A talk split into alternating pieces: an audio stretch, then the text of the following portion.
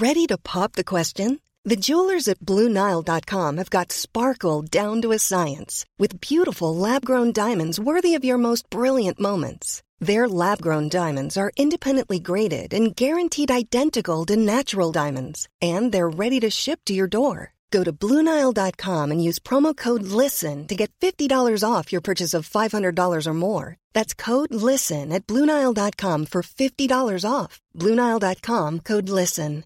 Hey Dave, Yeah, Randy. since we founded Bombus, we've always said our socks, underwear, and t shirts are super soft. Any new ideas? Maybe sublimely soft. Or disgustingly cozy? Wait, what? I got it. Bombus. Absurdly comfortable essentials for yourself And for those facing homelessness. because one purchased equals one donated. Wow, did we just write an ad? Yes. Bombas. Big comfort for everyone. Go to bombas.com slash ACAST and use code ACAST for 20% off your first purchase. Systrarna Elvstrands hästpodd är producerad av Mediahouse by RF. Hej allihopa och välkomna till systrarna Älvstrands hästpodd avsnitt 130. Välkomna! Jag som pratar heter Anna. Och jag heter Emma och det här är podden om hästar och ridsport och det här avsnittet kommer bli ett frågeavsnitt Anna, vilket ju alltid brukar vara väldigt uppskattat. Ja, och jag tycker det är kul själv också. Så jag har lite längtat till det här avsnittet. Mm, jag med. Men hur mår du då? Jag mår bara fint. Eh, hur mår du Ansi? Jag är så trött idag. Ja, det är lite, lite småsegt. Vi var ju faktiskt och festade i lördags. Ja, och till min stora förvåning, för jag hade inte direkt någon större koll på klockan under kvällen. Nej. Men så såg jag hur du började bli lite trött. det är så roligt för att Emma hon försöker ju och eh, alltså motsäga sig från att vara lik pappa. Men pappa är ju en sån person som han kan ju somna sittandes vid matbordet. Ibland kommer mamma ut till köket där han har sin dator om han sitter och grejar på kvällarna. Och hon kommer in i köket när hon har suttit och kollat på tv. Då sitter han där och sover. Ja, och så satt vi vid bordet och spelade ett kortspel. Och så tittade jag på Emma, då ser hur hon sitter och blundar. Jag bara, nej ni är absolut inte lika du och pappa. Men jag är ju inte heller någon kvälls eller nattmänniska. Nej, men vi kom ju hem vid halv fem och sen så Ja. lagade vi lite varma mackor innan vi gick och la oss. Så jag tror vi somnade vid fem typ. Ja, jag tror det också, så det blev ganska så sent. Men det var väldigt kul i alla fall. Kul att hitta på någonting. Och eh, vi måste ju dra en lite rolig eh, historia om den här kvällen också, Anna. Är det kissen du menar? Ja. Eller? Ja. ja men så kul för att vi var hemma hos mamma och pappa för att vi skulle på fest inne i Vara och då är det ju väldigt smidigt så kan vi gå bort och fram och så ja, men kan vi låna deras hus och så sov ju de hemma hos dig. Och så när vi skulle gå dit så såg vi en katt på vägen och vi bara hej kissen och så ropade vi på den och klappade lite på den sådär. Så följde den ju med oss en bra bit. Men sen så stannade den för att den var väl någonstans hemifrån där. Ja, Och sen så när vi kommer tillbaka då, väldigt många timmar senare, ja typ ja, kanske nio timmar senare eller något sånt ja, då föga förvånade på mammas och pappas uppfart är samma katt. Och det ska tilläggas att den var ju inte på det, den var ju inte liksom på mammas och pappas gata när vi gick därifrån Nej. utan då var den en bit därifrån. Men det var som att den hade bara liksom visst, Luktat till sig. luktat till sig vart vi var någonstans. Och det, jag, jag försökte nästan få med mig den in i huset. Jag bara kom kanske. Ja, jag bara nej det kan du inte göra.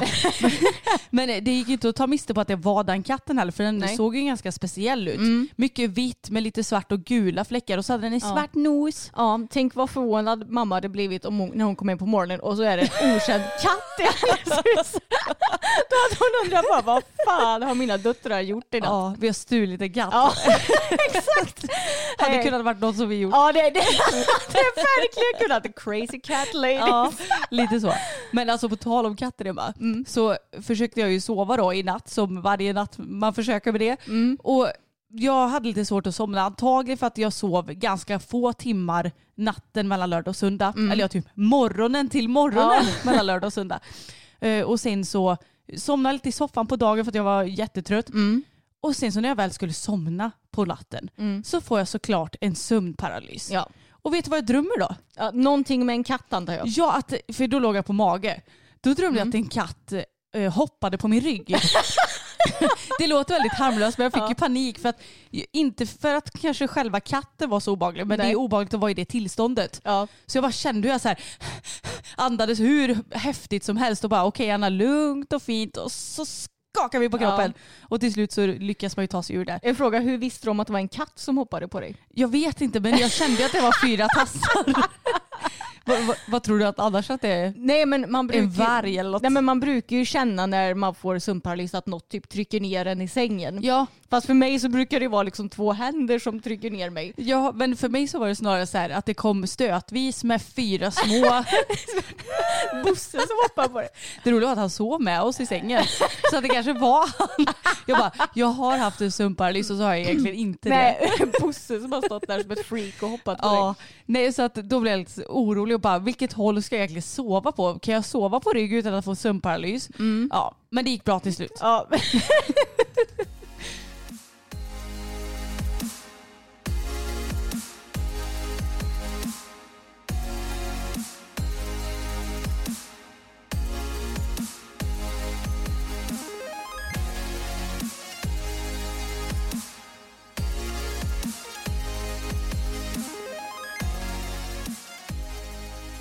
Okej Anna, men innan vi drar igång med frågorna idag så har ju vi lite grann att uppdatera om. Yes. Och jag tänker att vi kan ju ta och börja med våra hästar då i vanlig ordning. Och vi har ju en liten rolig nyhet Anna. ja. Vi har skaffat en till häst! Nej, typ. Vi har lånat en liten häst. Ja, det har vi gjort. För det var förra veckan så var Moa, vår kompis här, och eh, skulle hjälpa till att kika på Pebbans hov för hon behövde få på nytt gips eftersom det hade slitits eh, lite för snabbt så att säga. Så nu går hon med barfotasko i hagen över skon och gipset då, så att det ska hållas bättre. Men då beklagar jag mig lite för Moa och sa att ja, alltså det är ju lite så här vad ska man säga, jobbigt att behöva byta hästar och att eh, ifall vi ska rida den hästen som går med Pebban så måste vi liksom hålla på och byta. Och, alltså det är inte så jobbigt egentligen. Men det var så här, det, det, ja, jag, jag sa det till Moa att det är lite småjobbigt. Ja, det är lite osmidigt ja, om inte precis. annat. Osmidigt ja. Och då slog vi våra kloka huvuden ihop och så kom vi fram till att ska vi inte ta hit Brunis, Moas shettis? Ja, för Moa har ju tre hästar. Två stycken fuxar. Acke har ni ju sett lite i någon eh, video. Och sen så har hon eh, sitt fux då också. Och till dem så har hon ju eh, sällskapsponny. Egentligen skaffade hon väl sällskapsponnyn till Acke innan hon köpte Sara. Eh, Så då så var vi lite sådär att ja men det kan ju funka att vi lånar honom ett tag. Men eh, vi vet inte riktigt hur det går.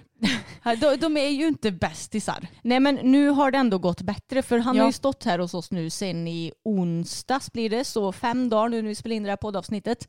Och eh, anledningen att Moa ville ta hit honom också det är för att han har haft lite problem med fång. Så han kan ju inte gå ut i gräshagen med hennes andra hästar utan han har ju fått gå själv i en egen hage. Så då sa hon att det kanske kan vara kul för honom också så han får sällskap och sådär. Och för oss så hade det ju varit väldigt smidigt också.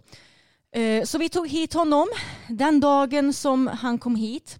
Så eh, ja, Pebban hon blev väldigt eh, förvånad över att det var en liten häst hon skulle gå med. Och tokig. Och tokig så hon tokade runt lite grann i hagen. Jag har fått det här på film och vi kommer lägga ut det här på Youtube imorgon. Men då fick hon för sig att hon skulle så här, hon började typ galoppera och bocka ett par språng. Sen går hon omkull i den där lilla hagen och trillar nästan in i väggen till lösdriften. Ja, det var så roligt för att jag var iväg på lite semester när du hämtade Brunis. Så jag såg ju inte det här live. Men du skickade ju en film till mig. Och det roliga är att i filmen så säger du men herregud. Och exakt samtidigt så sa jag men herregud. Så Ja. vi sa det i kör då ja. Ja men alltså det var typ det klumpigaste jag någonsin sett. Så hon blev ju ganska så uppspelt då. Och sen processen efter det, det var att hon var väldigt kaxig mot Brunis och liksom bossade honom lite grann. Det var inte så att hon var elak mot honom. Men hon körde runt lite ja, med hon honom körde eller? runt lite med honom och då tänkte jag, ah, hur ska det här gå egentligen? För jag vet att Moa har sagt att han är ju lite försiktig av sig, lilla Brunis. Men sen så har det successivt blivit bättre och bättre. Nu kan de liksom stå och umgås med varandra ordentligt och stå bredvid varandra och äta till exempel. Så hon har ju verkligen accepterat honom nu så det funkar ju väldigt bra. Men så hade vi ett litet problem för några dagar sedan också. Och det var ju att de två lyckades rymma. Ja, det är ju antagligen den stora Ja. fuxen som har orsakat det här och Jag inte tror den det. lilla bruna. Och de rymde ju liksom inte ut på gårdsplanen utan de hade ju sprängt tråden eh, alltså från lösdriften och ut till den större hagen. Så de hade ju sprungit och mött upp de andra hästarna som var liksom på andra sidan staketet på andra hagen. Och eh, det här hade de ju antagligen gjort tidigt på morgonen samma dag som vi skulle rida.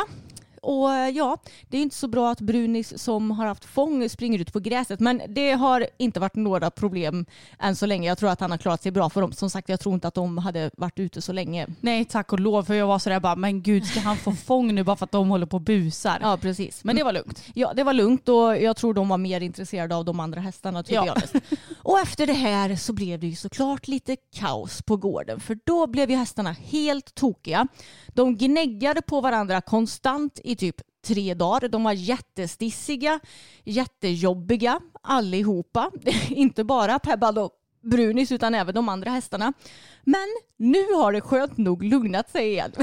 Ja men man blir ju tokig när man bara hör en massa gnägg hela tiden. Ja, och speciellt din kära häst. Ja, hennes gnägg, det alltså Bellas gnägg, det är det värsta gnägget jag någonsin har varit med om. Äh, fy tusan, jag låg ute och solade en eftermiddag.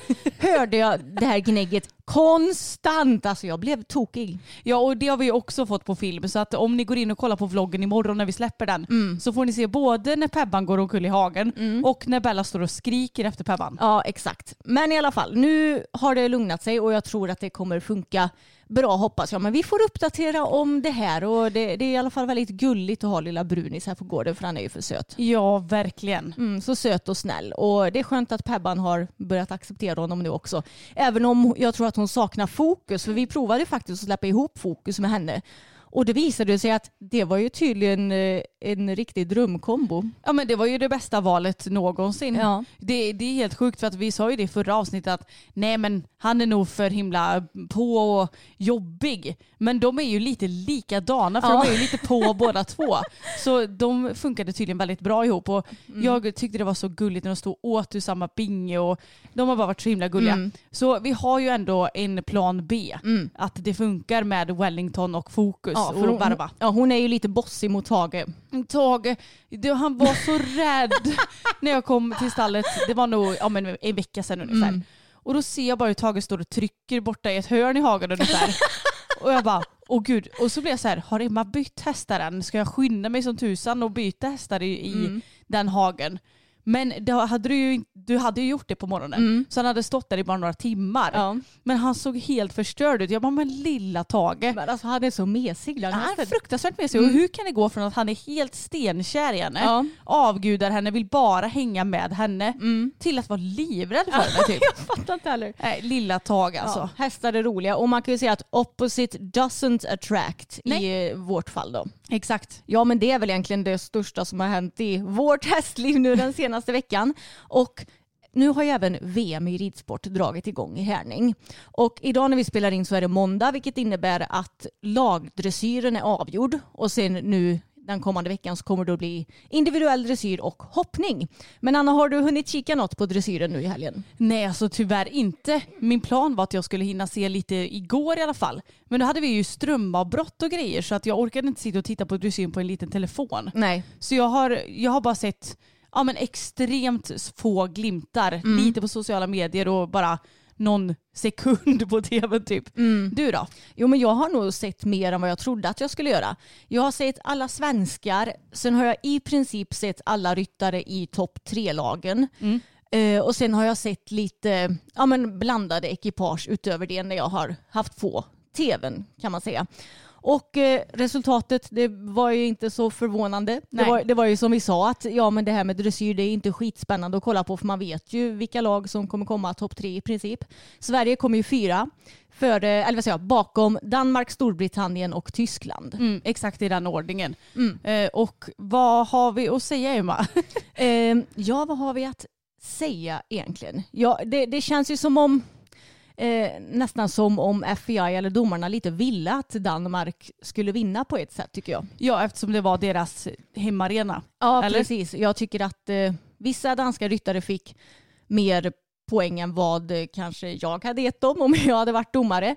Och jag tycker ju som så att Danmarks bästa ryttare är Daniel Bachmann Andersen. Jag tycker att han rider så himla trevligt och hans häst som han red, Marshall Bell, det är ju en av få hästar som går med en ordentlig ganachefrihet. Eh, han går i en sån trevlig form. Jag tyckte att han gjorde ett superfint program.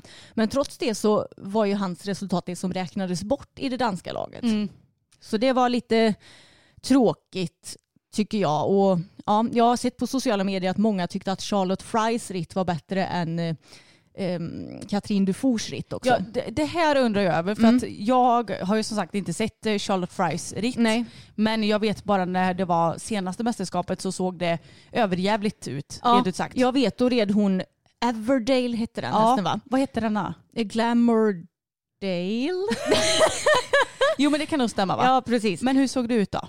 Jo det såg ju bra mycket bättre ut än vad det gjorde förra året. Mm. För alltså förra året, det, ja, alltså det var bland det värsta jag sett Ja. nästan när det kommer till dressyr. Så jag hade inte så mycket förväntningar på hennes ritt nu i år. Men det såg ju väldigt mycket mjukare ut och bättre flyt och sen är det klart att hästen går inte i någon perfekt form och sådär jämfört med eh, hur vissa andra hästar går. Men ja, jag tycker ju egentligen att hennes ritt var bättre än Katrin Dufors ritt Ja. också. Eller att den förtjänade högre procent. Så det, jag, jag håller inte riktigt med om hur domarna dömde alla gånger. Men det var en hel del trevliga ritter och eh, ja, ja, vad ska man säga? Men vem var det vi fick syn på? För vi såg ju lite dressyr när vi satt hemma ehm, i lördags hos mamma och pappa och käkade lite innan vi skulle iväg på festen. Ja men precis, då var det ju lite ja, men random ryttare som vi tittade på. Och nu ska vi se. Moreira ifrån Portugal. Ja visst var det Portugal? Det var han som red den här skimmen, eller? Eh, nej, Nej, en mörk häst tror jag. okej. Ja, ser ut som jag har bara tagit en bild på själva namnet. Redan inte någon eh, typ Peri eller något sånt Jo, där. var det den jag tänker på? Ja, Ja. jag tror det. Och han red verkligen supertrevligt. Hästen gick i så himla fin form och det såg så mjukt ut. Hästen hade stängd mun i princip hela, eh, ja, men hela programmet. Och jag tycker det är så tråkigt med dressyren att det känns som om de stora namnen får så bra betalt. Medans ja, men till exempel den här killen från Portugal då, som red en jättefin runda utan missar vad jag kunde se. De får liksom lite så här mellanmjölks betalt. Mm.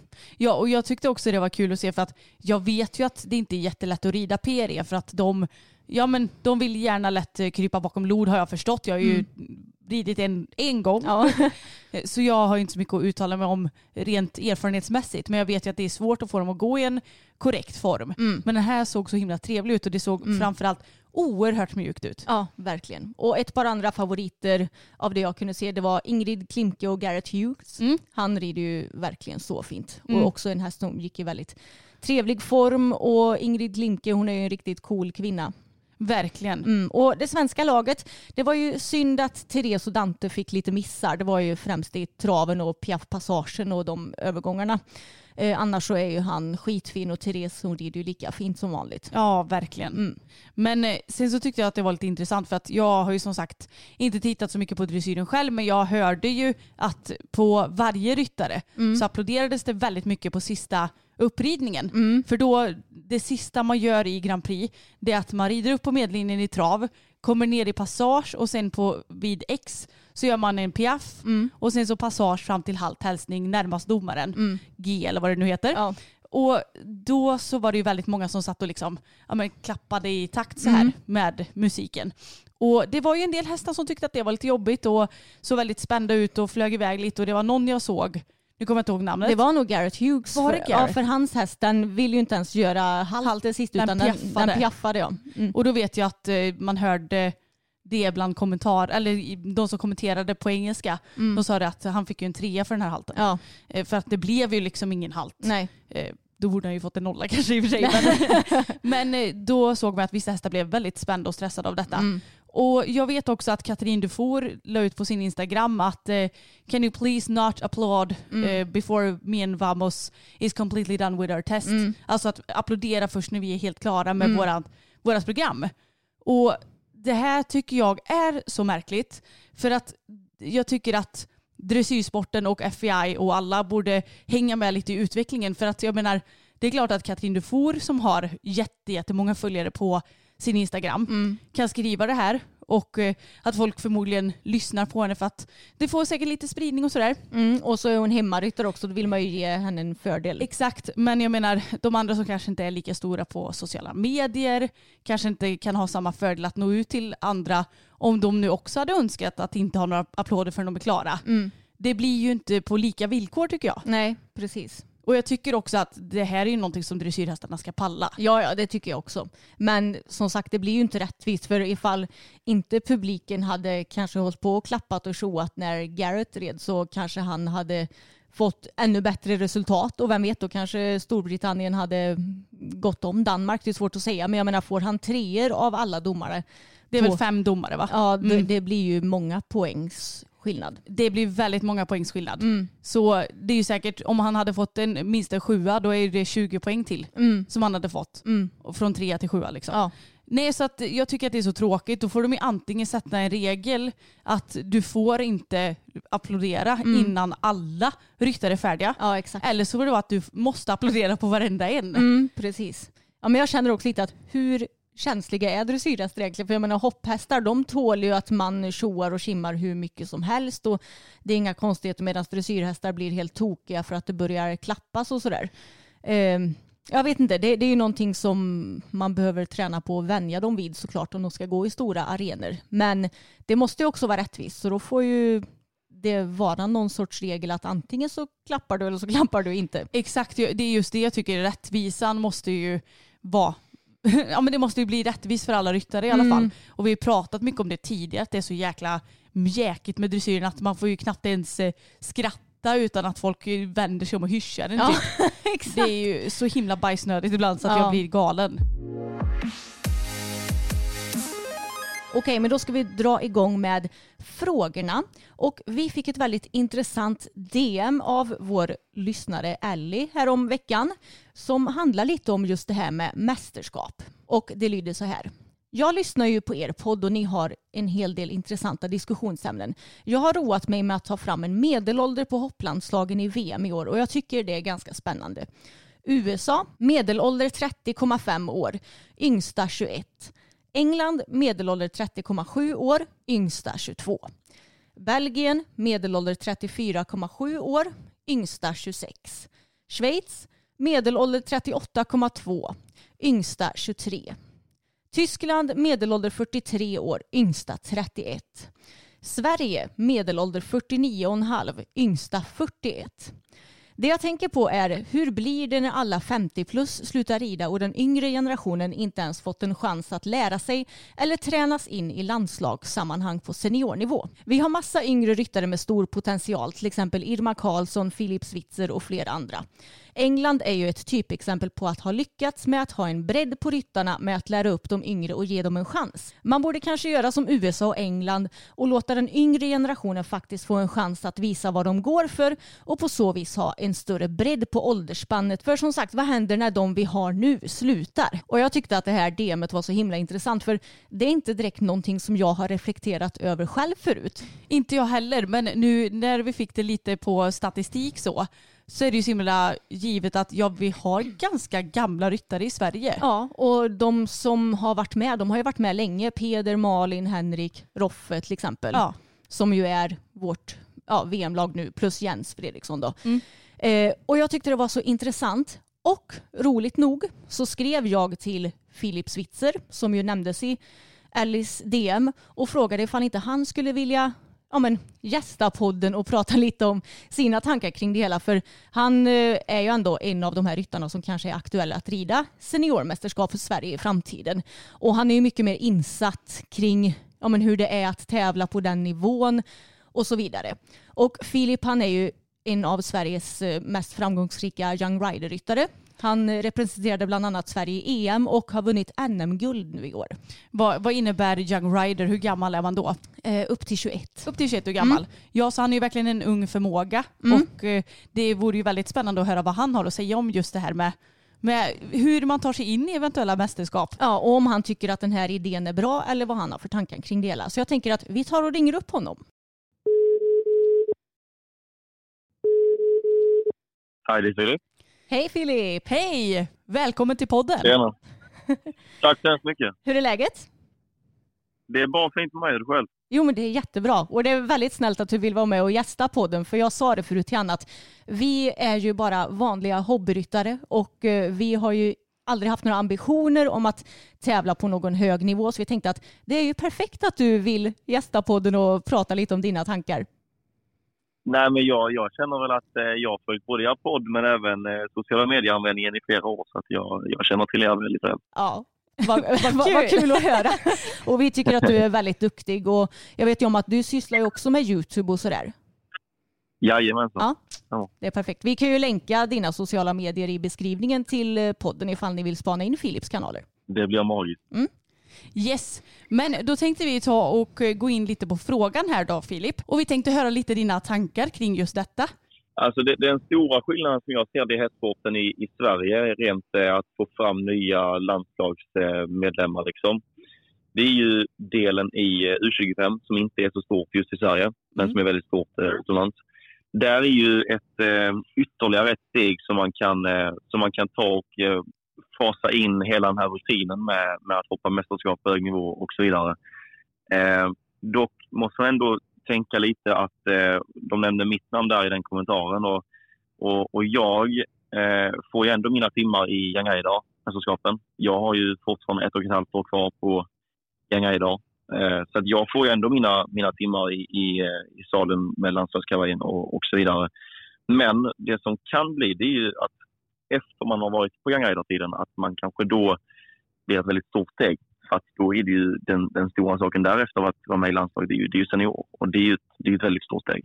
Eftersom inte U25 är lika stort i Sverige. Nej, för visst finns det U25, eh, alltså lite mer i dressyren eller jämfört med hoppningen i Sverige?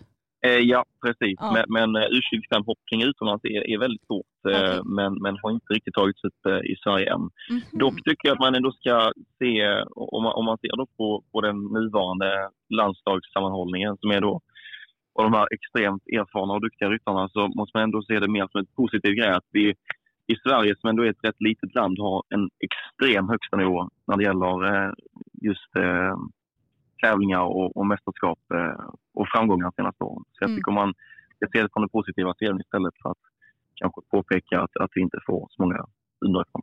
Mm, precis, så du hade kanske önskat eh, ja, att Sverige hade satsat lite mer på U25 som, så som de andra länderna gör? Eh, ja, U- U25 har absolut varit en, en väldigt bra grej att, eh, att få större i, eh, i ridsporten i Sverige och jag tror att det, det kommer att komma med tiden också. Mm. Eh, om man ser som, som, som kategorin eller nivån med Children som, som kom till, det var ju mycket större utomlands än i Sverige i, i flera år och, eh, och nu senaste eh, åren har det blivit väldigt stort i Sverige också så att det, jag, jag tror att det kommer men efterfrågan måste vara tillräckligt stark och, och, och, och senaste åren har, har det uppenbarligen inte varit tillräckligt starkt för att det ska komma in i Sverige. Nej, Mm. för jag, jag tänker lite som så här när det kommer till seniormästerskap att man har ju ja, men, fyra ryttare i laget och en reserv. Och då måste man väl ändå välja ut de allra bästa som man tror kommer ha ja, men, störst chans att eh, eventuellt eh, ja, men, ta en medalj till Sverige. Och då, då får man väl kanske köra lite på de säkra korten. För ja, men, om man jämför till exempel ett fotbollslag med ridsportlag då är det ju, det är ju 11 fotbollsspelare i ett lag. Så där kanske det blir lite lättare att slussa in de yngre spelarna jämfört med i ett ridsportlag där det bara är fyra stycken då blir det mycket mer sårbart. Ja, och man måste ändå komma ihåg att, eh, att det, det finns flera Nations Cup i, eh, i eh, Europa så, som faktiskt eh, arrangeras som kanske inte Peder och Jens och, och Malin och Henrik är på, men som kanske inte media i Sverige tas, tas upp lika, lika flitigt. Eh, jag vet att det, det finns Nations Cup i Danmark och det finns runt om i, i Europa och, och även i Drammen nu. Bara för någon månad sedan var det ju där exempelvis Alice Tapper fick chansen också och, eh, och Selma Hammarström har också varit med på någon trupp där. Så, att, så att det, det finns Nations Cuper som, som de yngre och de lite mindre oerfarna får delta i. Det är bara att jag, jag, jag personligen tror inte att media i Sverige tar ut det lika mycket som, som man kanske skulle tycka att man borde göra. Nej, precis. Det kan jag verkligen hålla med om. Jag är bara lite nyfiken på, ja men du är ju som sagt Young Rider i ett och ett halvt år till och du har ju chans att rida mästerskap för Sverige i Young Rider-landslaget nästa år också. Men eh, vad ska man säga, ponera att efter det när du blir senior att det är väldigt eh, tuff konkurrens och det kanske dröjer ett antal år innan du, vad ska man säga, platsar i ja, men ett seniormästerskap. Tror du att det hade varit negativt för dig och din ridning att få vänta så pass länge. Jag tänker att ett mästerskap det innebär ju ja, men mycket nerver och det kanske är ganska så annorlunda jämfört med om man rider en vanlig internationell tävling. Eh, jag, jag skulle nog vilja säga att, eh, att egentligen under, eh, under de här åren, jag var inte jätteframgångsrik på junior, men just på Gang då var jag väldigt snabbt ute redan första året i, i fjol. Och jag skulle vilja säga att de mästerskapen som jag har, eh, som jag har tävlat nu senaste eh, ett och ett halvt åren har gett mig väldigt mycket rutin och hur man ska eh, nej, men bete sig i ett landslag och hur man ska tillhandahålla sig och så vidare. Och, och det, det tror jag att jag kommer ta med mig även om jag skulle vara med i ett, eh, i ett seniorlandslag om 15-20 år. Mm. Eh, så det, det spelar nog ingen roll om, det är om, om fyra år eller om det är om, om 20 år för att jag, jag har den rutinen med mig. Mm. Sen, min väg framåt som jag ser det är ju egentligen att jag ska göra eh, vara ny i landslaget eh, så mycket som möjligt och sen efter det försöka ta mig in i de andra trupperna och vara på de andra Nations som kanske då inte, som vi, som vi sa, inte tas upp lika mycket av media som exempelvis då Drammen och, och andra sådana. Så att man ändå får, får vara med i landslaget men kanske inte på allra högsta nivå just på grund av att vi är väldigt bortskämda med ett så enormt bra framgångsrikt landslag. Det är väldigt fint att du ser det på det sättet tycker jag och jag tycker du har kloka tankar att eh, kämpa på och ja, men ta dig upp så småningom och det känns skönt att du inte verkar känna så stressad eller pressad över det liksom. Nej, absolut inte. Ridsporten tar många år och det man ska komma ihåg är att eh, det, det charmen med den här ridsporten är ju också att man, man, man behöver inte vara i sin peak eh, om, om fem, sju år som kanske i fotboll eller någon annan sån fisksport. Utan ja, har man, eh, har man eh, tid på sig och, och det tycker jag att eh, det nuvarande landslaget också visar väldigt bra. Att, att man kan hålla en väldigt hög nivå i många år och kanske till och med vara på sin peak på, på, eh, om, om väldigt många år framåt. Mm, exakt. Men Filip, stort tack för att du gästade podden. Jag tyckte det var jätteintressant att föra dina tankar. Ja, men tack själva. Kör på. Ja. Jag lyssnar. Ja, härligt. Ha det så bra. Detsamma. Hej. Hej då. Hej då.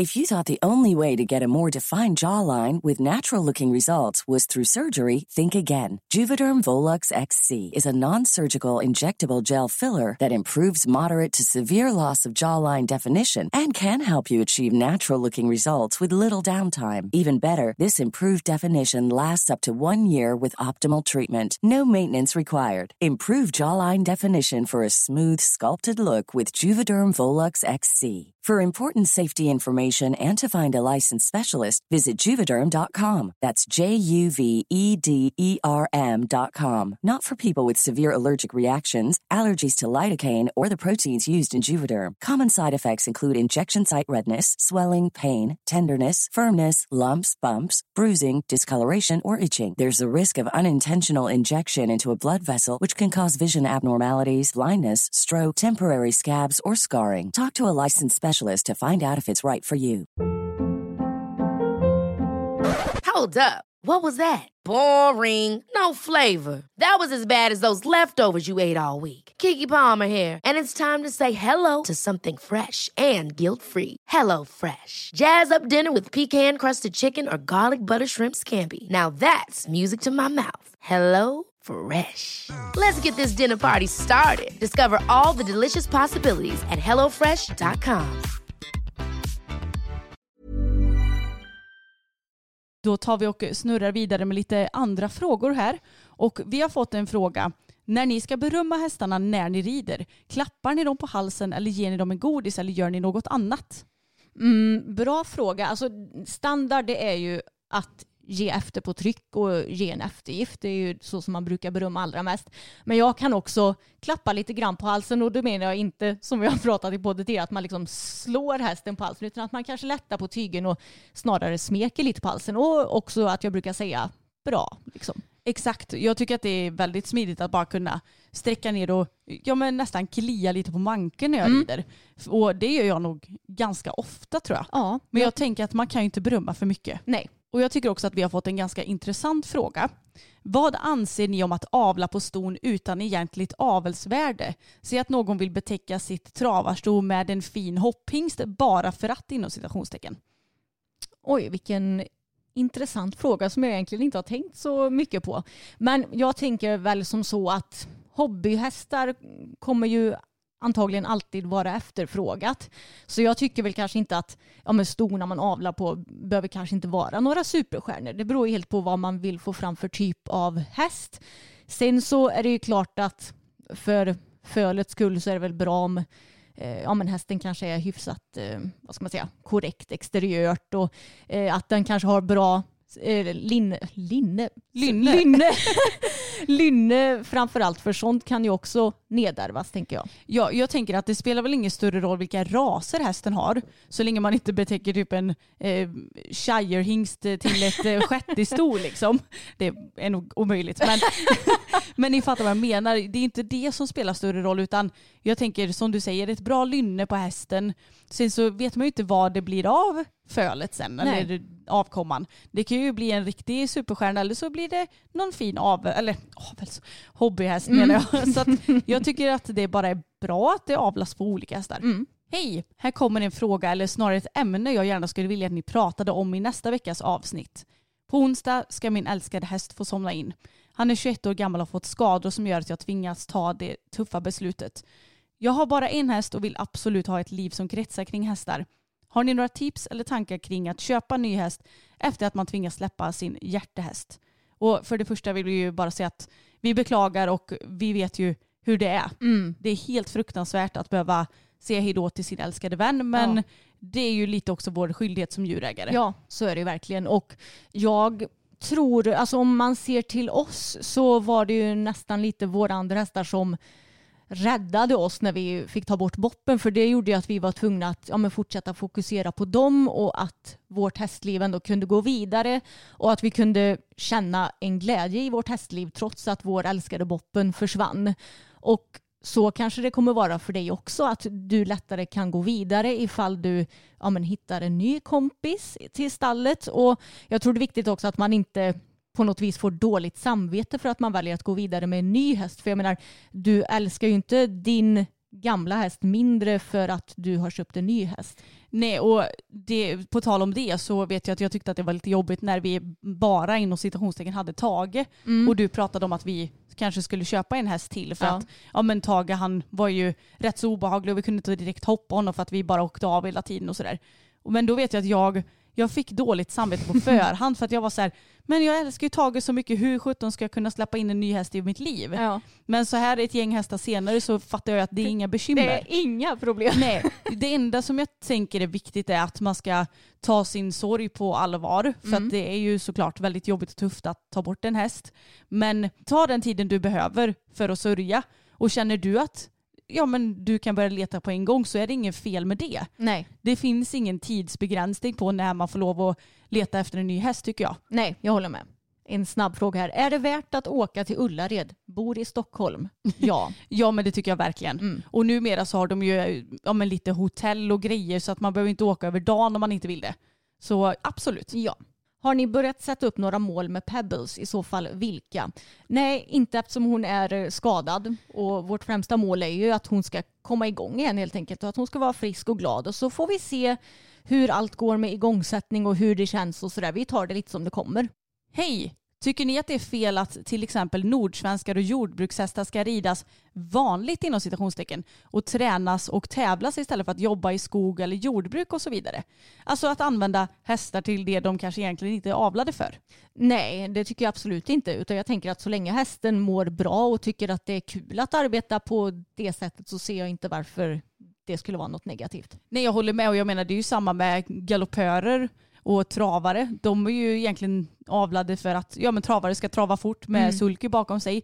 Men det finns ju många fina travare som är jätteduktiga på både och. Jag vet att vi har någon Mm. tjej här i närheten tror jag som rider typ 1,10-1,20 på sin travare. Mm. Och även någon tjej som tävlar medelsvår. B-dressyr. Mm. Så att jag menar, så länge de är glada och mår bra så spelar det ingen roll om man använder dem till det de är avlade till eller inte. Har Pebban någon speciell matchningsfärg? Alltså jag gillar ju verkligen skogsgrönt på henne. Ja, Eller men det är Army. Ja, det är fint. Det är otroligt fint. Mm. Men jag tycker, att fuxa passar i de flesta färger faktiskt. Jag eh, skulle gärna haft ett gammelrosa schavrak till henne också. Mm. Men eh, det är inte så att vi kommer gå och köpa det bara helt vilt utan det får bli när det blir. Ja, men den skogsgröna färgen är min absoluta favorit på henne. Hej, jag har en fråga till podden. Skulle ni kunna förklara lite hästrelaterade begrepp? Finns det en del som jag inte riktigt förstår? Till exempel rena byten. Ja, Okej, vi kan ju ta va- för varje Ja. eh, uttryck då. Rena byten. Det innebär ju att om jag rider i vänster galopp och vill göra ett galoppombyte till höger galopp utan att bryta av och jag vill ha det rent, då innebär det att hästen byter med alla fyra benen samtidigt. Istället för att ibland så kan det bli orent och då byter hästen till höger galopp i fram men har kvar vänster galopp i bak. Eller tvärtom. Ska jag, jag hoppas att man förstår när jag förklarar så. Ja men precis. Jo men det tyckte jag var bra sagt att man byter med alla benen samtidigt. Och sen också för att få ett riktigt rent byte så vill man ju inte att hästen kanske ska stanna upp i själva bytet heller. Eller, Eller ta, studsa. Nej, eller studsa utan att det ska vara ett bra flyt liksom. Man vill ju gärna ha lite luft i galoppombytena för att det, då blir, det blir ett tydligt byte. Men det får inte bli för mycket luft och hästen får inte stanna till och stampa heller. Nej, och det kan ju faktiskt vara någonting att lära sig nu under VM för att nu rider ju dressyrryttarna Grand Prix i dressyr och då håller de på och gör en himla massa byten. Ja. Och då kan man titta väldigt noggrant på alla fyra benen och försöka se blir det rena byten eller är det någon gång som det blir lite efter i bak eller i fram eller så. Exakt. Och sen så har vi nästa då, gå bakom skänken. Eller när hästen är bakom skänken, vad menar vi då? Ja, men det innebär att hästen inte riktigt tar skänken. Utan när du lägger om skänken så vill du få en reaktion framåt av hästen. Men om hästen är bakom skänken och inte tar den, då händer det liksom inte så mycket. Mm, exakt. Utan det blir en fördröjning av det hela och det är inte alltid en så himla rolig känsla. Och sen undrar den här personen också, vad är bakom lod? Ja, men om man tänker en lodrätt linje, alltså en rak linje vad ska man säga, från taket till golvet. Det- Exakt. Det är ett lod. Och då vill man att hästen ska ha sitt huvud på lodplan eller strax framför om man drar den här linjen. Alltså jag vet att det, det, folk säger lite olika. Vissa säger från ja, men pannan och ner och andra att det ska vara en lodrätt linje mellan ögat och mungipan. Ja. Men den lodrätta linjen mellan ögan och mungipan den existerar ju knappt idag skulle jag säga. För Nej. det finns ju i princip ingen häst som går så för då tycker domarna att hästen är för öppen i formen skulle jag säga. Eh, så jag, eller vi brukar ju eh, vad ska man säga, sträva efter att ha en lodrätt linje ja, men från pannan, nosryggen och ner i backen och att hästen gärna får gå där eller strax framför den. Ja, och det här är ju kanske något som man får träna upp ögat lite för. För jag menar, om man tar Tage till exempel så har ju han en bula i pannan. Det har han alltid haft och det är medfött. Och då kan det ju genast bli lite svårare att se vad är egentligen lodplan på den här nosryggen. Och det är samma om hästen har en nosrygg som buktar utåt så kan det också vara lite svårt. Eller tvärtom att den buktar inåt som arabhästar till exempel. Men det är vad bakom lod är. Ja, och bakom lod är ju då alltså om hästen går och böjer in nosen för Exakt. mycket mot halsen. Så att det är absolut ingen kontakt med den här linjen. Har ingen kontakt med nosryggen egentligen utan den är ju för långt bakåt så att det inte nuddar. Ja. Jag hoppas man förstår för det är ju lite luddigt att förklara sådana här begrepp. Vi kan ju lägga upp en bild kanske. Det kan vi En göra. lite pedagogisk bild på Instagram. Det gör vi tycker jag. Och sen så undrar den här personen också vad innebär det om hästen blir lång? Ja, alltså jag skulle säga att när en häst blir lång så har man lite alltså, tappat kontakten med bakbenen. Att eh, hästen kanske springer på för mycket och att man inte får den här ja, men, fina formen som man vill ha. Att hästen ska jobba från bakbenen och sen över hela kroppen och att man får ett bra stöd i handen. Ja vi brukar ju prata lite om den goda cirkeln när det kommer till själva ridningen. Att man får med sig bakbenen in under, att det går fram till handen och att det fortsätter så. Men när hästen blir lite lång så tappar man lite den här cirkeln. Mm, exakt, och hästen blir snarare som ett streck istället för en halvcirkel. Ja, och man kan känna, jag kan känna det ibland på fokus att han snarare blir lite seg Ja. och lång. Mm. Men på Bella till exempel så är hon ju snarare som en bulldozer och bara sprutar på framåt istället. Ja, och. Men blir lång på det viset. Mm. Så att det kan ju kännas lite olika och det är också någonting som man behöver öva upp känslan i för att verkligen Ja. förstå det. Jag tycker att hästar ofta blir lite starka också när de blir långa. Precis. Mm. Den här frågan tyckte jag var lite rolig att få in faktiskt. Jag rider vid tillfället på en väldigt bra ridskola och vill gärna engagera mig mer i dess verksamhet. Har ni några tips på hur jag skulle kunna göra för att hjälpa klubben? Mm, det finns ju mycket man kan göra för att hjälpa klubben och det bästa att göra är väl egentligen att kontakta någon som jobbar där. Kanske din ridlärare eller ridskolechef. Ehm, eller ta och kolla upp lite när klubben arrangerar tävlingar, hur du kan hjälpa till. Det finns ju tävlingssektioner i klubben till exempel som, som väldigt gärna vill ha hjälp när de ska arrangera tävlingar. Och jag vet att de flesta klubbar har ju problem att få ihop tillräckligt med folk när det ska arrangeras tävling. Och eh, ofta så tror jag att de flesta klubbar säkert lägger upp information om det här på deras antingen Facebook-sida eller Instagram till exempel och vem man ska kontakta om man vill hjälpa till och sådär. Så ja, men kolla upp det, vem du ska kontakta beroende på vad du vill hjälpa till med. Ja, och oftast har ju också ridklubbar så här städdagar eller man kanske behöver hjälpa till och sätta, eller göra ner hagar och grejer. Så att det, kontakta din ridlärare så lär ju den personen säkert veta vem du ska ha lite kontakt med om du behöver hjälpa till. Ja, för jag vet att vår klubb lägger ju alltid upp sånt på Instagram till Ja. exempel. Nu är det fixardag den 28 augusti klockan 9 typ. Ja, exakt. Ja. Hade ni valt att rida i dressyrsadel ett helt år eller att rida i hoppsadel ett helt år? Hoppsadel. Ja, det är väldigt svårt att eh, hoppa i dressyrsadel skulle jag säga.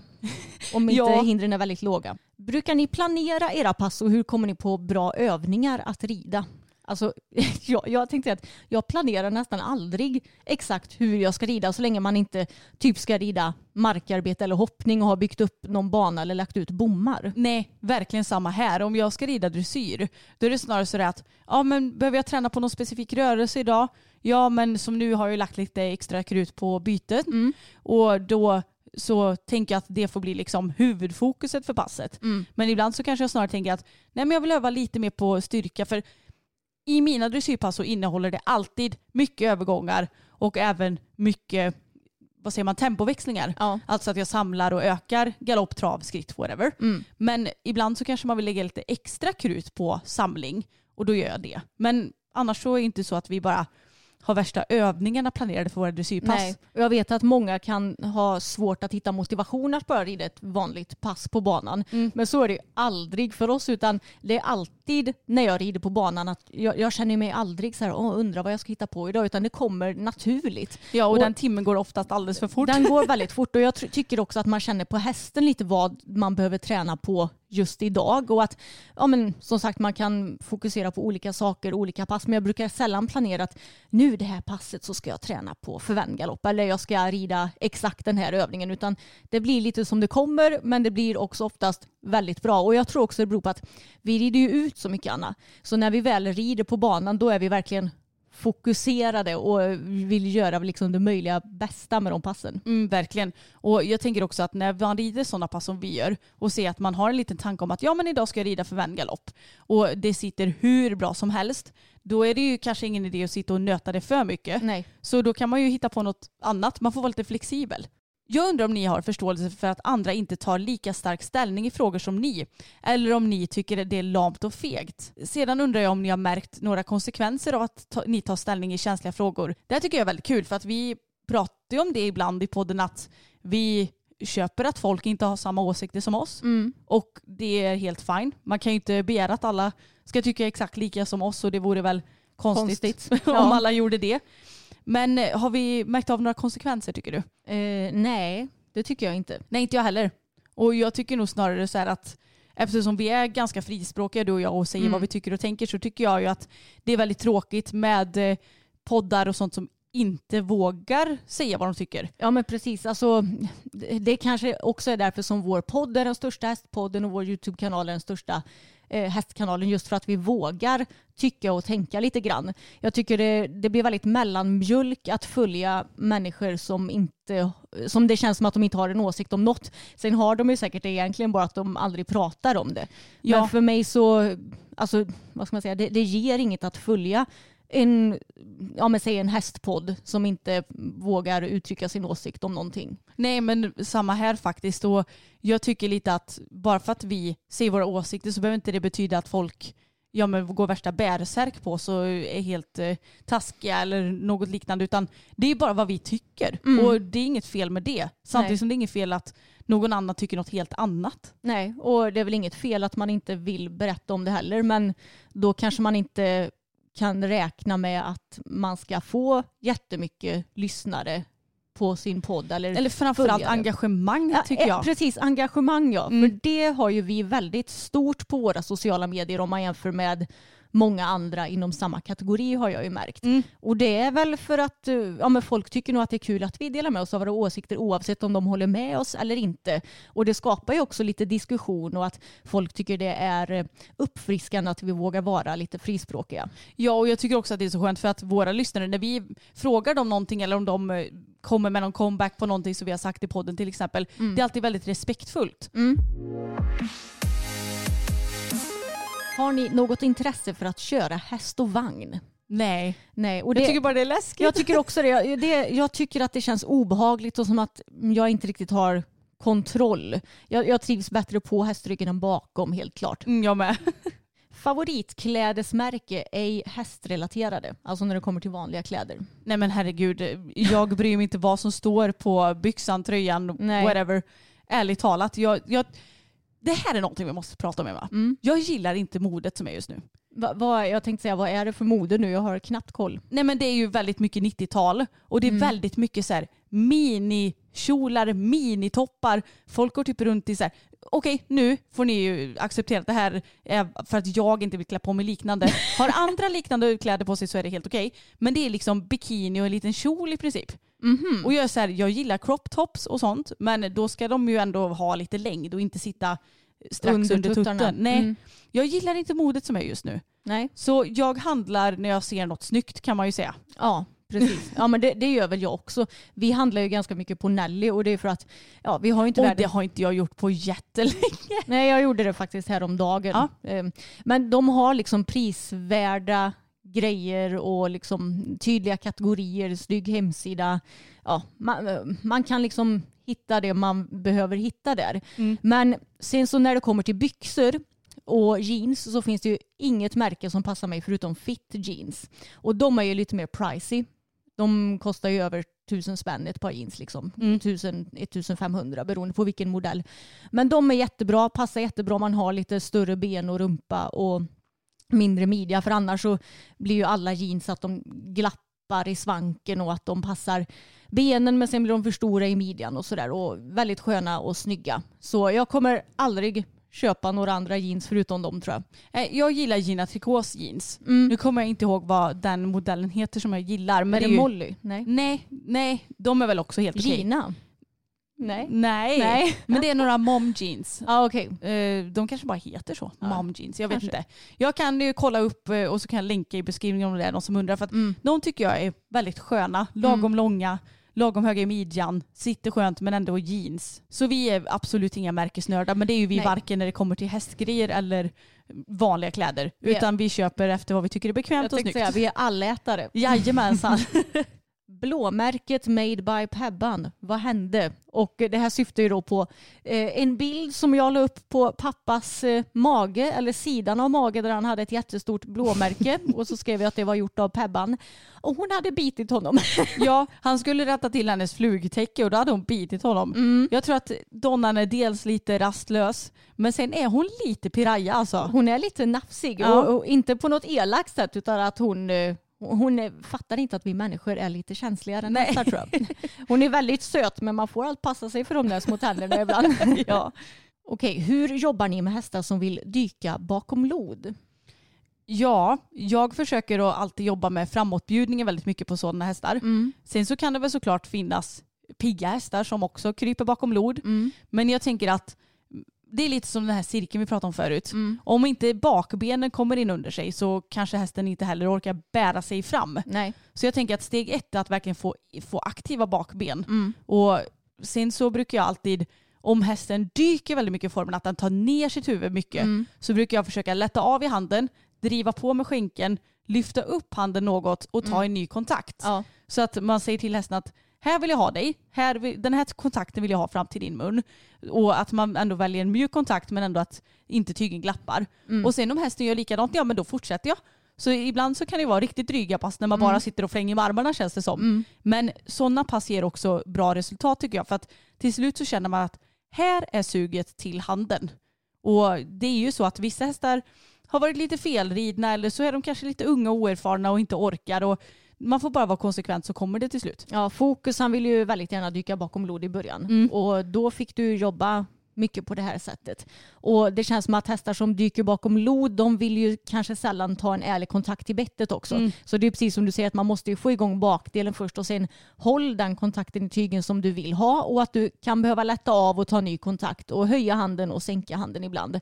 Och sen jobba såklart mycket med övergångar och sånt där som bygger styrka också. Mm. Jag tycker att förvänd galopp är eh, en väldigt trevlig övning för det känns som att hästar lite automatiskt hamnar i en väldigt bra form i förvänd galopp. Ja men faktiskt. Och sen så tycker jag också att det är väldigt bra med bommar just när man har det här bekymret också för att jag tycker att det automatiskt får hästarna att komma upp lite i formen oftast när man travar bommar. Vilka sporter gick ni i när vi var små? Eh, ingen. Jag, jag hoppade in i fotbollslaget i IFK Emtunga typ under en match och en kupp tror jag för att de behövde folk. Men jag var ju verkligen så här, den sämsta i laget. Jag, tror, jag har väl inte hållit på med något mer förutom hästar? Nej, eh, och fiol då, men det är ingen sport. Nej Men- okej men intressen överlag då så har jag ju spelat fiol och gått i teater Ja. och körsång. Ja, ni hör ju Anna hon är estetar så hon har gjort de här lite mer kulturella grejerna. Ja, jag har ju spelat cello och sjungit i kör också. Det är Mm. bara teater som jag inte har gjort. Jag är Mm. inte lika duktig på att skådespela som du är. Men jag är ju egentligen en mer sportig person än dig Anna. Ja. Så jag har ju spelat fotboll och jag har spelat tennis. Tyckte det var väldigt kul båda två. Jag älskar ju överlag bollsporter. Nu var det ju aslänge sedan jag spelade fotboll. Det var ju typ när jag gick på gymnasiet och man hade det i idrotten. Men jag älskar liksom tennis, paddel, badminton, basket tyckte jag var skitkul. Innebandy. Alltså jag, all- allt som har med en boll att göra. Förutom volleyboll för det gör så jävla ont på Ja handleden. just det, där är nästan glömt av. Jag tycker det är jätte, jättekul. Jag hatar bandy. Mm. Det är typ den värsta bollsporten jag vet. Ja, det, jag tycker det är kul. Nej för folk skjuter alltid de där bollarna så jävla hårt som man får skitont på både benen och jag vet att eh, det var nog, jag har ju gått i samma klass som Samuel Mm. så det var ju så vi träffades. Och då så råkade han skjuta en så hård boll på min eh, andra klasskompis som den typ studsade på hennes fot och sen sköts upp i ögat. Alltså hon var så röd i ögat efteråt. Nej. Han hade så dåligt samvete också. Vad tycker ni är den onödigaste hästtrenden genom åren? Motivera. Oj, menar man utrustning eller typ ridsätt eller vad som? Eh, jag tror utrustning. Det finns ju många grejer som vi tycker är onödiga. Och nu måste jag komma på om det finns några specifika trender också som har Mm. kommit. Ja men dubbla nosgrimmer, Ja. det är ju vi inget fan av. Som ni ju vet.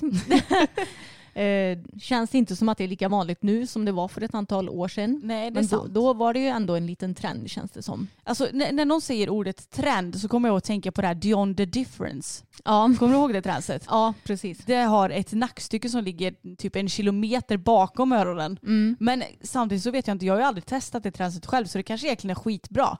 Men jag vet inte varför det bara poppar upp specifikt när jag tänker på trender. Nej. Eh, vänta, onödig trend. Jag tänker ju på soft up stigbyglarna. Ja, Eller vad heter de? free jump. Free jump ja. Ja, men de heter soft Ja, soft up. Just, och anledningen till att jag tycker att de är onödiga det är ju för att de marknadsfördes som säkerhetsstigbyglar men sen så är det asmånga som har fastnat i dem. Har skadat, och sig skadat rejält. sig. Så nej, ingen eh, bra trend. Och sen så var inte jag så förtjust i att rida i dem heller. Jag har ju haft sådana, ska Mm. tilläggas. Men jag gillade dem inte.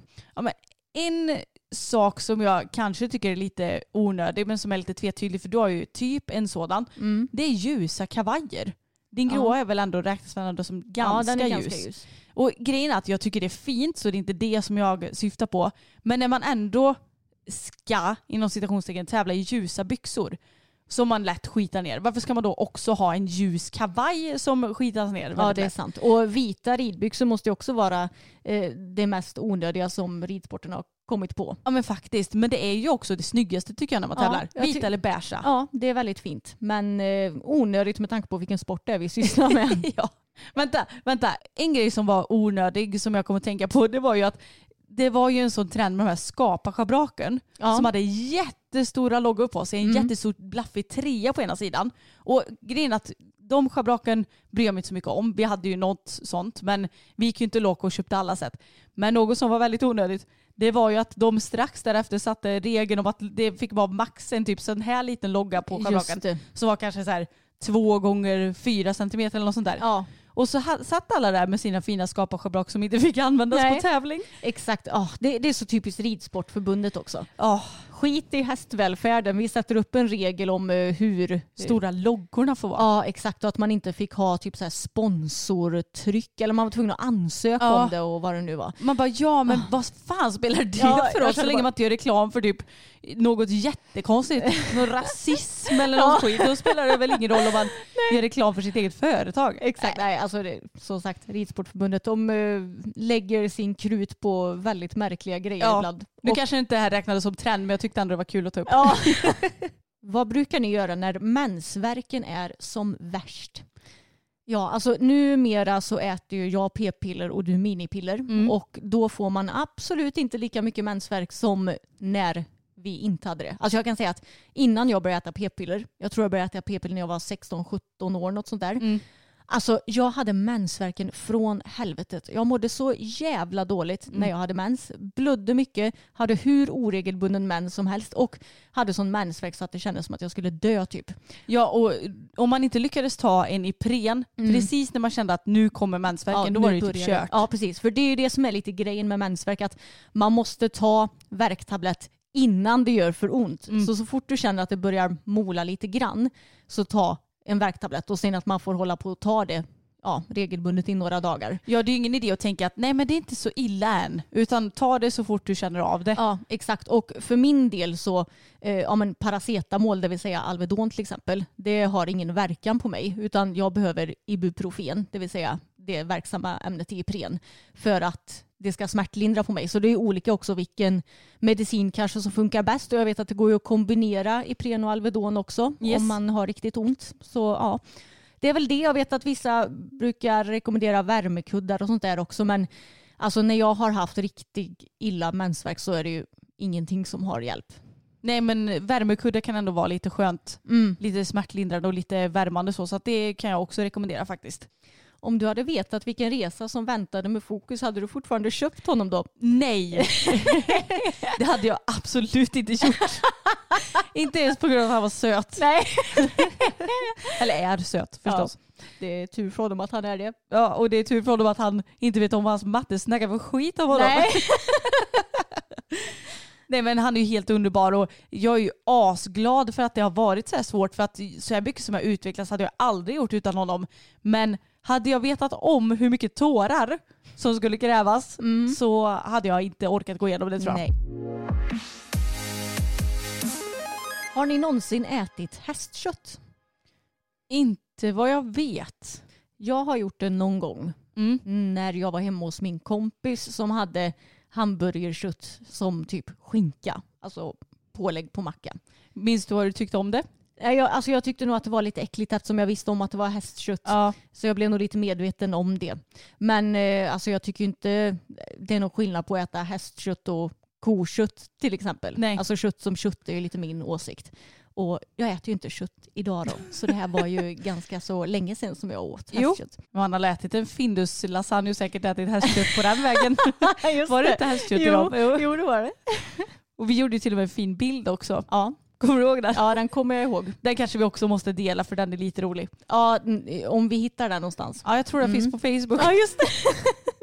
Okej, hur tror ni det går för Sverige i VM? Ska vi ta hopplaget då? För nu har ju ändå dressyrlaget redan ridit. Och individuellt så tror jag inte det blir några svenska placeringar på pallen. Nej. I dressyr alltså då. Nej precis. Jag tycker det är så oklart med dressyren att man bara har så här till laget så är det bara en gång du rider och så är det lagmedaljer sen. Ja. Jag, jag fattar inte hur det där går till riktigt.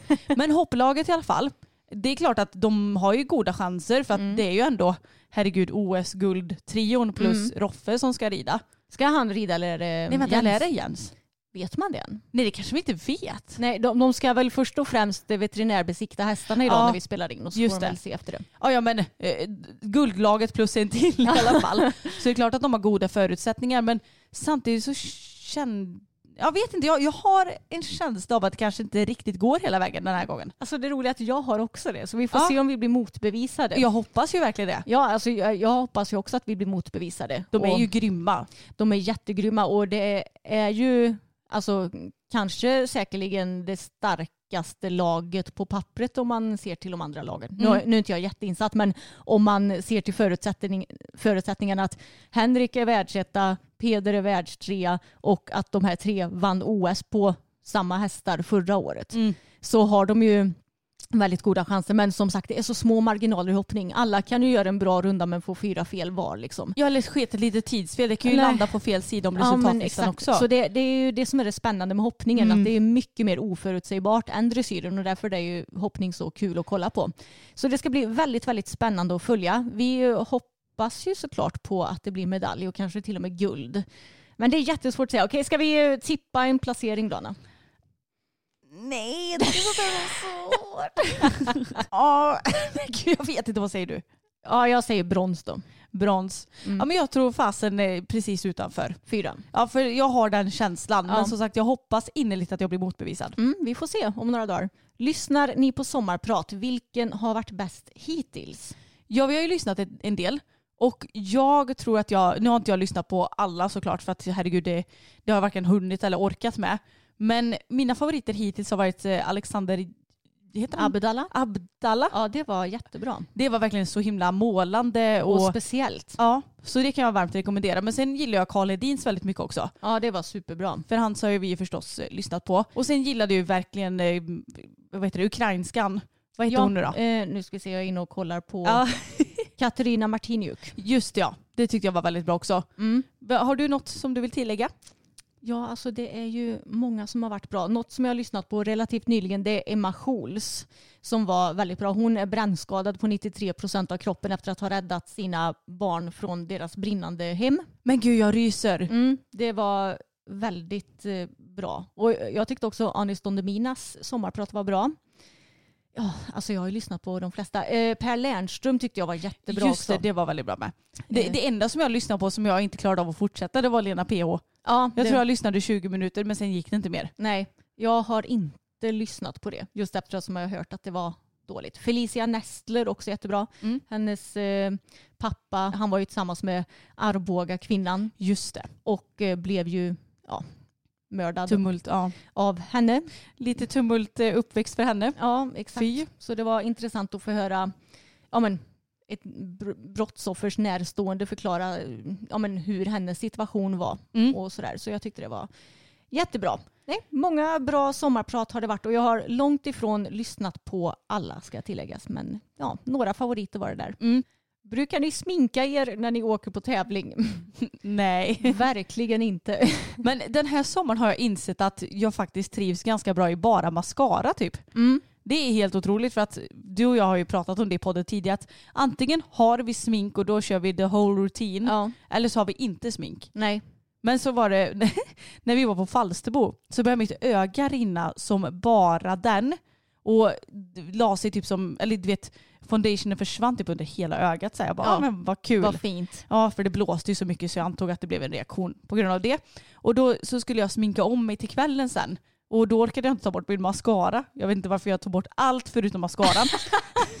Väldigt logiskt. Men då så tittade jag mig i spegeln och bara, men hallå det här ser ju inte dumt ut. Jag Nej. vet inte varför jag har fått för mig att jag har sett dum ut med bara mascara. Jag tycker att jag ser dum ut med bara mascara. Och Ja. samma om jag säger att jag lägger en bas och bryn och sen sminkar mig med mascara så tycker jag också att jag ser konstig ut för att jag är så van vid att antingen har jag inget smink alls och om jag har mascara så har jag alltid ögonskugga också för Mm. att rama in ögonen. Och jag tycker jag ser så tom ut med bara mascara. Ja men det du är ju bara du som tycker det antagligen. Men Ja jag vet men jag tycker jag ser alltså, nej, inte alls bra ut. det ser med- inte färdigt ut. Nej exakt. Jag, jag vill ju antingen vara helt ofärdig eller helt färdig så att säga. Ja. Och jag trivs ju egentligen bäst utan smink för att ja, men ögonen kan rinna som man vill, man kan klia sig i ansiktet som man vill, klia sig i ögonen, Snyta snyta, sig. sig, alltså whatever. Och vi trivs ju så pass bra utan smink så att vi är ju Mm. lika bekväma med som utan smink. Och ja, min åsikt är också att ridsport det är ju en sport och när man sportar då har man inte smink på sig.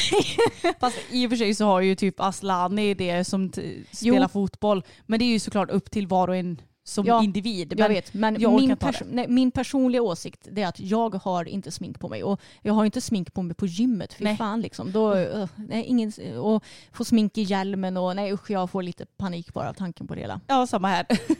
Hur går det med Hans hästköp? Har han lugnat sig? Ja, jag har inte hört något tjat om något föl eller ungas på väldigt länge nu. inte jag heller. Skönt nog. Han har kanske haft för mycket att göra i sommar med all eh, hökörning och sånt där. Det är sant, så det kanske kommer nu till hösten Mm. sen. Hej, tack för en bra podd. Vad är det för klädkod på en pay and jump? Finare ridkläder? Frågetecken.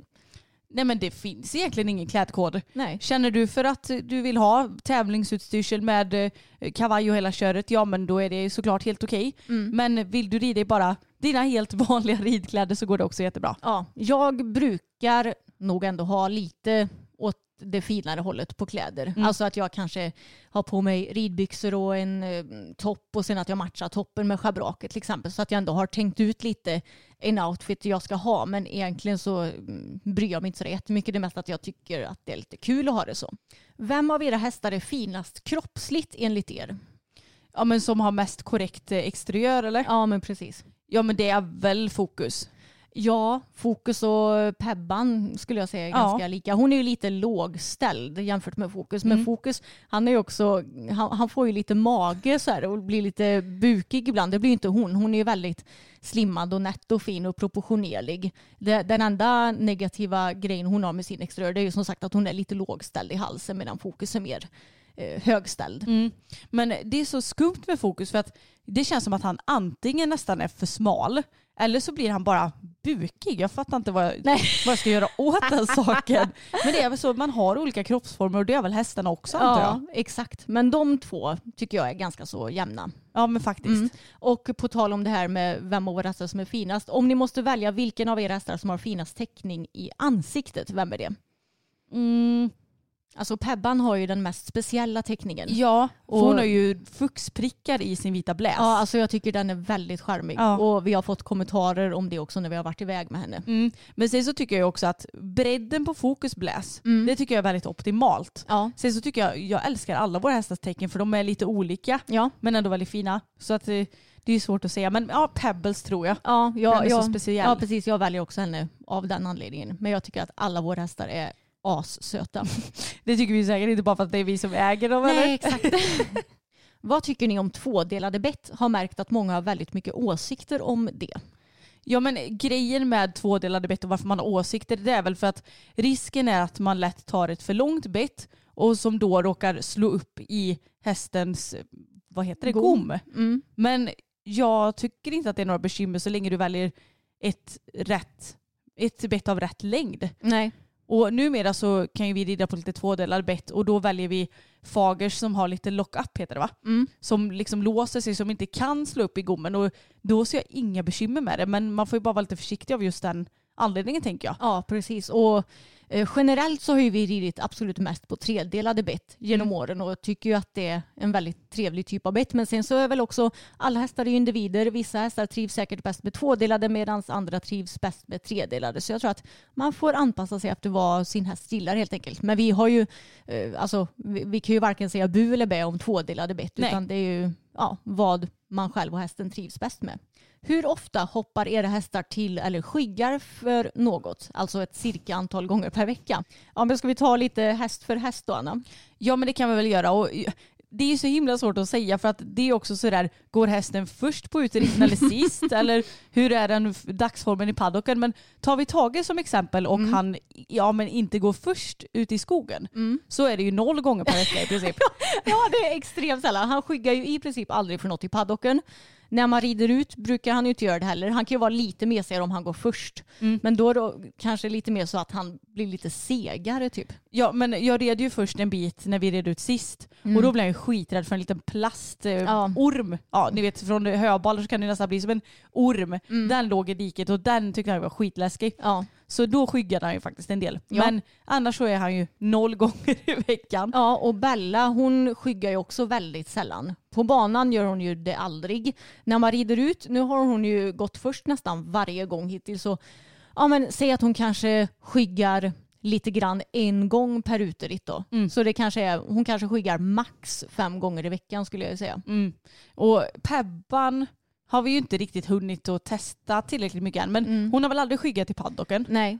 Och ute i skogen så har det väl hänt någon gång. Ja, alltså ytterst sällan. Mm. Det, det kanske också är Eh, Två så- gånger i ja, veckan typ. Ja, precis. Inte Mm. alls mycket.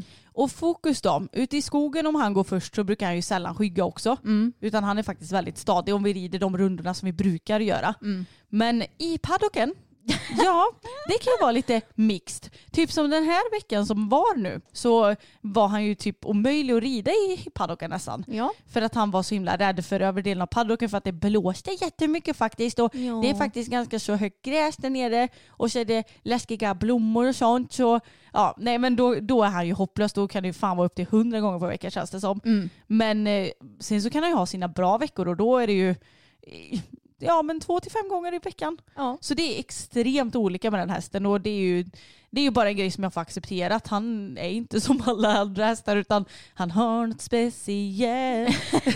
Något väldigt speciellt. Hur går det med webbshoppen? Har inte hört så mycket om den det senaste. Nej men ja, ärligt talat så är jag extremt omotiverad till det. Ja. Det känns som att eh, ja, men, vi tjänar inte så jäkla mycket på att ha den. Mm. Och det är ganska tråkigt och det, det enda vi gör är egentligen så här kundtjänst. Och, eller det är ju min post egentligen. Och jag, eh, jag tycker det känns väldigt, väldigt, väldigt tråkigt. Så att vi får se om vi eventuellt avvecklar så småningom. Jag vet inte. Nej, vi får se. Ja. Det, det, är, det, det finns ju andra grejer i vårt jobb som vi tycker är roligare. Och, det, som ger mer både energi och pengar ärligt talat. Ja, precis. Och därför så har man kanske inte hört så mycket. Men ifall ni vill stötta oss och köpa eh, grejer till er eller era hästar så har vi ju en webbshop som heter hästhuset.se. Och Ja. den länkar vi väl i beskrivningen också va? Yes. Ja, så den finns fortfarande och vi jobbar med den men vi tycker ju att det är roligare att jobba med våra sociala medier. Så kan man ju sammanfatta det som. Helt klart. Vad är en blinning? Har aldrig hört det här i Avesta. Nej, men jag vet att man, man har väl lite olika namn för den här insekten. Mm. Och det är ganska så, de, de är ju kanske i storlek som en husfluga men de är lite avlångare. Ja, de och det är lite- de som biter hästarna. Ja, precis. Och gråa är de. Ja, och jag tror att de brukar kallas för hästbroms. Ja. Eller bara broms. Men bromsar för oss är ju sådana som ser ut som stora getingar. Mm. Och som också biter hästarna och som inte finns lika många av. Som jag är livrädd för. Det låter som små flygplan gör de. ja, åh, de är så vidriga. Ja, det kanske vi också ska lägga upp i story vad vi tycker en blindning och en broms är. Ja, men det kan vi göra. Mm. Usch, usch, usch. Okej, sista frågan för idag. Vad har ni för planer i höst? Ja men med hästarna antar jag. Ja, och kanske lite privat och sådär också. Jo, men eh, jag tänker att eh, Tage han får ju chilla på livet så som han brukar göra. Mm. Och bara ska hålla så fräsch som möjligt och glad som möjligt och så. Och det gäller väl i och för sig alla våra hästar men de andra tävlar vi ju förhoppningsvis lite mer med. Och fokus, jag hoppas på att kunna debutera med SHB. Det hade varit väldigt kul om vi kan få sätta bytena hemma på träning så vågar jag nog anmäla mig till en tävling snart. För jag ser ju ingen prestige i att tävla utan det är mer så här, ja men man checkar av läget vad som funkar och inte på tävling och så får man försöka att jobba vidare. Det är liksom inte hela världen att få 50 procent. Nej. Eh, Men sen så hoppas jag också på att kunna komma igång och hoppa mer. För nu har det blivit väldigt lågt över det över sommaren när vi varit iväg och sådär. Och att vi kan komma ut på någon liten hopptävling någon gång också. Ja, det har ju gått väldigt bra de få gångerna du har hoppat honom så han är nog också taggad på det. Ja, det har känts skitbra så att egentligen behöver jag inte vara så orolig. Nej. Men eh, med Pebban så är planen att hon ska bli frisk och komma igång igen. Ja, och när hon blir det och kommer igång mer så får man ju sätta ytterligare planer för henne då. Men Mm. jag hoppas ju komma igång och träna ordentligt med henne ja, men lite senare i höst. Och vem vet ifall läkningen går snabbt kanske man hinner med någon eh, liten tävlingsdebut också. Det återstår helt att se. Vi tar det som sagt som det kommer. Med Bella så hade det varit kul att debutera 1,10 om allt flyter på som det ska. Nu ska jag ju rida en meter till helgen och eh, har väl planer på att göra det ja, men igen kanske både senare i augusti och i september. Och ja, vi, vi ska ju på spa också, Anna kommer jag på det i september. Yes, vi ska på spa. Vår ridklubb arrangerar lite tävlingar. Vi ska på spöktimmen i oktober. Det kanske inte ens räknas som. Herregud, det hade jag typ glömt bort. Jag vet, jag med innan jag såg att det stod i min mobil. Har, du, har du köpt biljetter till det? Ja, Ja, okej. du, jag och Samuel ska gå på det. Tredje hjulet. Jajamensan. Ja. Men jag, du känns inte som tredje hjulet i vår relation. Nej, och på tal om det här med tredje hjulet då, så har ju vi fått såklart många frågor om hur det går med mitt dejtande. Ja, Ja, alltså jag har ju inte dejtat eh, egentligen på hela sommaren. Inte något seriöst i alla fall. Men jag har sagt att någon gång nu snart så ska jag ta tag i och skaffa Tinder igen. Jag har inte känt att det har eh, varit så vad ska man säga, behövligt nu under sommaren när man har varit iväg på så mycket Nej. och det är bara onödigt. Och man vill ju ha lite lugnt och ledigt liksom.